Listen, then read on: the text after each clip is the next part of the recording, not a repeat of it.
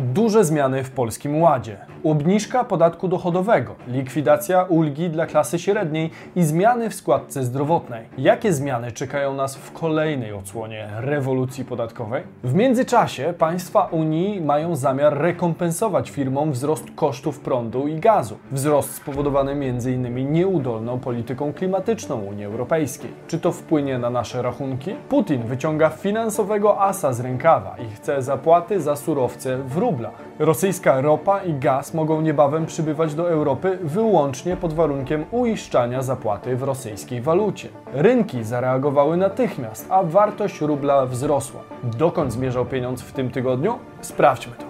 Bizweek. Cotygodniowy przegląd świata biznesu i finansów. Cześć, tutaj Damian Olszewski i witam Was serdecznie w programie Praktycznie o pieniądzach i informacyjnej serii Bizweek, która powstała po to, abyście co tydzień dowiadywali się, co dzieje się w Waszych portfelach. Warto subskrybować kanał, aby wiedzieć, co dzieje się z naszymi pieniędzmi.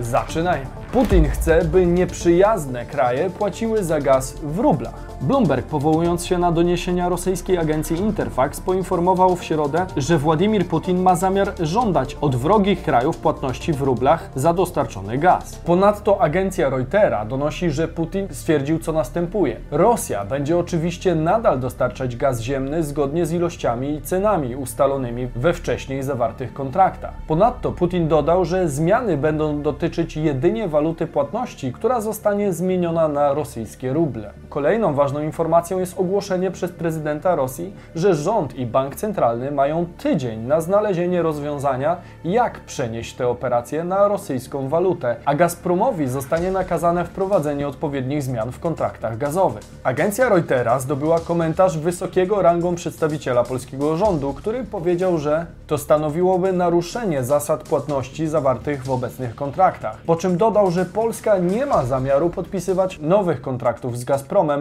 po wygaśnięciu obecnej długoterminowej umowy pod koniec bieżącego roku. Ponadto agencja przywołała dane Gazpromu, według których 58% sprzedaży gazu ziemnego do Europy i innych krajów było rozliczane w euro, a dolary amerykańskie stanowiły około 39% sprzedaży. Propozycja Putina z pewnością może zmienić w drastyczny sposób aktualną sytuację energetyczną, ponieważ rosyjski gaz odpowiada za około 40% całkowitego zużycia w Europie, a import gazu z Rosji do Unii Europejskiej wahał się w tym roku od 200 milionów do 800 milionów euro dziennie. Warto również wskazać, że Reuters dodał jeszcze możliwość zmiany waluty, która mogłaby zakłócić ten handel, spowodowałaby, że niektóre europejskie i brytyjskie ceny hurtowe gazu wzrosłyby w środę o około 15 do 20%.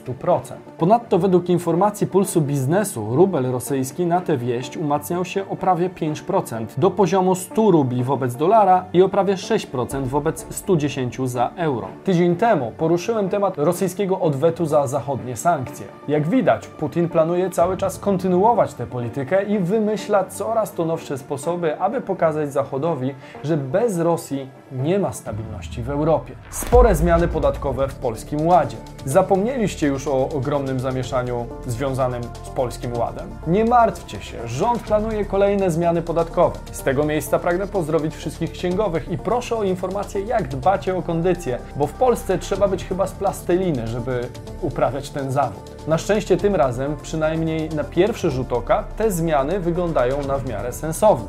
Wojna w Ukrainie, wysoka inflacja, ogromny napływ uchodźców oraz chaos związany z Polskim Ładem skłoniły Radę Ministrów do kolejnych zmian podatkowych. Źródła rządowe, Business Insider Polska, wskazują, że pomysły, które są na stole, zakładają likwidację ulgi dla klasy średniej, obniżenie stawki PIT z 17% do 12% oraz zmiany w składce zdrowotnej dla osób prowadzących działalność gospodarczą. Projekt obniżający podatki zapowiedział w środę w Radiu Z rzecznik rządu Piotr Miller. Informator Business Insidera wskazuje, że zmiany mogłyby wejść w życie od lipca tego roku oraz twierdzi, mamy wojnę w Ukrainie, wysoką inflację i chaos, które wywołały nieprecyzyjne przepisy wprowadzone w Polskim Ładzie. Trzeba to jakoś wyprostować i obniżyć podatki w szerszy sposób, tak aby były bardziej powszechne. Mają być korzystniejsze dla jednoosobowych działalności gospodarczych. Twierdzi rozmówca Business Insider. Ponadto bez zmian mają pozostać dwie najlepiej oceniane zmiany wprowadzone w ramach Polskiego Ładu,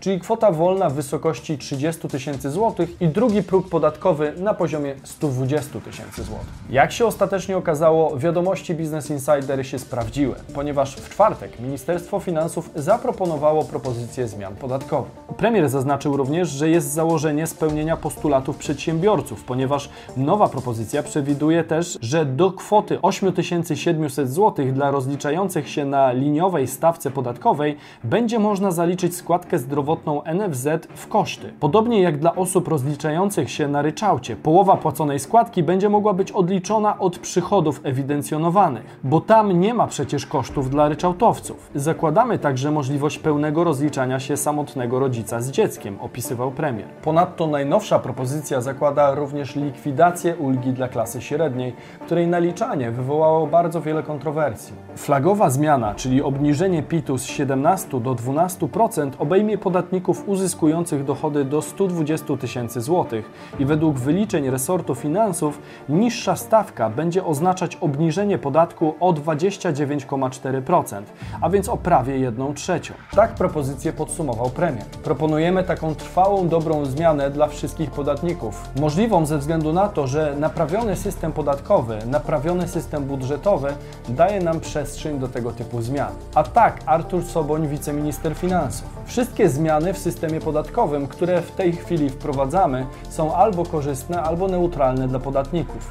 Nie ma takiej sytuacji, w której podatnicy na tych zmianach stracą w stosunku do systemu, który dziś obowiązuje, który równocześnie zapowiedział rozpoczęcie konsultacji społecznych proponowanych zmian w podatkach. Konsultacje i dialog rozpoczynają się dzisiaj z wywieszeniem projektu zmian podatkowych wraz z uzasadnieniem i z ocenami skutków regulacji na stronach Rządowego Centrum Legislacyjnego. Wszystkie uwagi będziemy traktować bardzo serio. Drobna zmiana może mieć poważne skutki. Zawsze w czasie takich konsultacji będą pojawiać się rzeczy, na które powinniśmy mocniej zwrócić uwagę bądź skorygować w tym projekcie. Jak oceniacie te propozycje? Napiszcie w komentarzu. Na pierwszy rzut oka wygląda to całkiem rozsądnie. Rząd chyba powoli wyciąga wnioski z nieudanego startu Polskiego Ładu i teraz planuje po części naprawić swoje błędy. Trochę za późno, ale w tym przypadku chyba lepiej późno niż wcale. Państwa Unii Europejskiej zrekompensują firmom wzrost cen gazu i energii. Komisja Europejska poinformowała w środę, że przyjęła tymczasowe ramy prawne umożliwiające państwom Unii Europejskiej udzielanie pomocy w celu wsparcia gospodarki dotkniętej skutkami inwazją Rosji na Ukrainę, w tym częściową rekompensatę wzrostu kosztów cen gazu i energii branżom energochłonnym. Czy Unia Europejska w końcu oprzytomniała i przyjęła choć po części racjonalną politykę?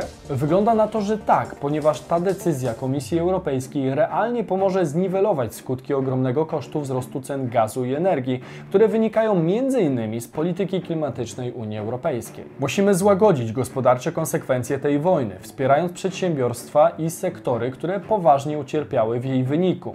Musimy przy tym działać w sposób skoordynowany, stwierdziła cytowana w komunikacie Komisji Europejskiej wiceprzewodnicząca wykonawcza Margaret Vestager. Komisja Europejska wyjaśniła, że jeżeli państwa członkowskie chcą zminimalizować skutki gwałtownego wzrostu kosztów produkcji, mogą niezwłocznie wprowadzić rozwiązania umożliwiające przyznanie do 400 tysięcy euro każdemu przedsiębiorstwu dotkniętemu skutkami kryzysu. Ponadto, co ważne, ta pomoc nie musi być bardzo silnie powiązana ze wzrostem cen energii i może mieć dowolną formę, w tym dotacji bezpośredniej. To oczywiście będzie miało swoje dobre i złe strony i będzie prowadziło do nadużyć. W dokumencie zapisano ponadto, że podmioty kontrolowane przez Rosję, które zostały objęte sankcjami, nie będą mogły otrzymać wsparcia. Antyrosyjskie decyzje decydentów zachodnich staną się teraz powszechne, a izolacja rosyjskiej gospodarki nadal będzie postępować. Warto obejrzeć wczorajszy odcinek, w którym mówię, jak może się zakończyć polityka sankcji na Rosję. Znajdziecie go tutaj.